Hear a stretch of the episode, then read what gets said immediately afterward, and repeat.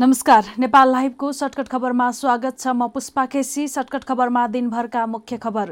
कर्णाली स्वास्थ्य विज्ञान प्रतिष्ठान जुम्लामा यसै शैक्षिक सत्रदेखि एमबिबिएसको अध्ययन सुरु हुने। हाल प्रतिष्ठानलाई पच्चिस सिट दिने गरी प्रस्ताव। बिपी प्रतिष्ठानमा अनियमितताबारे बोल्ने डाक्टरलाई उपकुलपति डाक्टर ज्ञानेन्द्र गिरीले सोधे स्पष्टीकरण।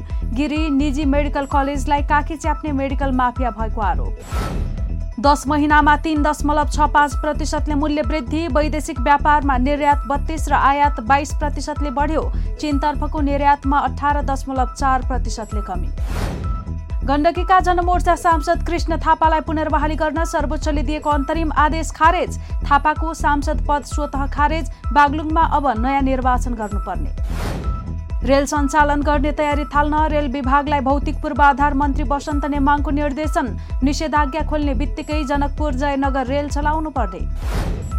निर्वाचन आयोगको निर्णयप्रति बाबुरामको कटाक्ष। चोरी विरुद्ध चोरकै पक्षमा फैसला आएको तर्क आयोगले गरेको फैसला खड्ग प्रसाद एन्ड कम्पनीको नयाँ विधिशास्त्र भएको टिप्पणी।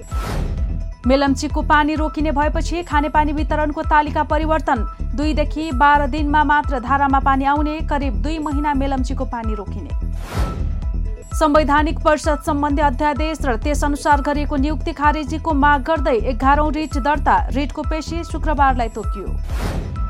भारतको अयोध्यामा राम मन्दिरको जग्गा खरिदमा भ्रष्टाचारको आरोप। दुई करोड मूल्यमा बैना गरिएको जमिन केही मिनेटमा अठार दशमलव पाँच करोडमा किनिएको दावी।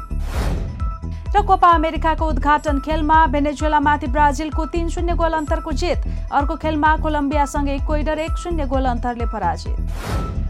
नेपाल लाइभको सर्टकट खबरमा दिनभरका मुख्य खबर आजलाई यति नै। नमस्कार।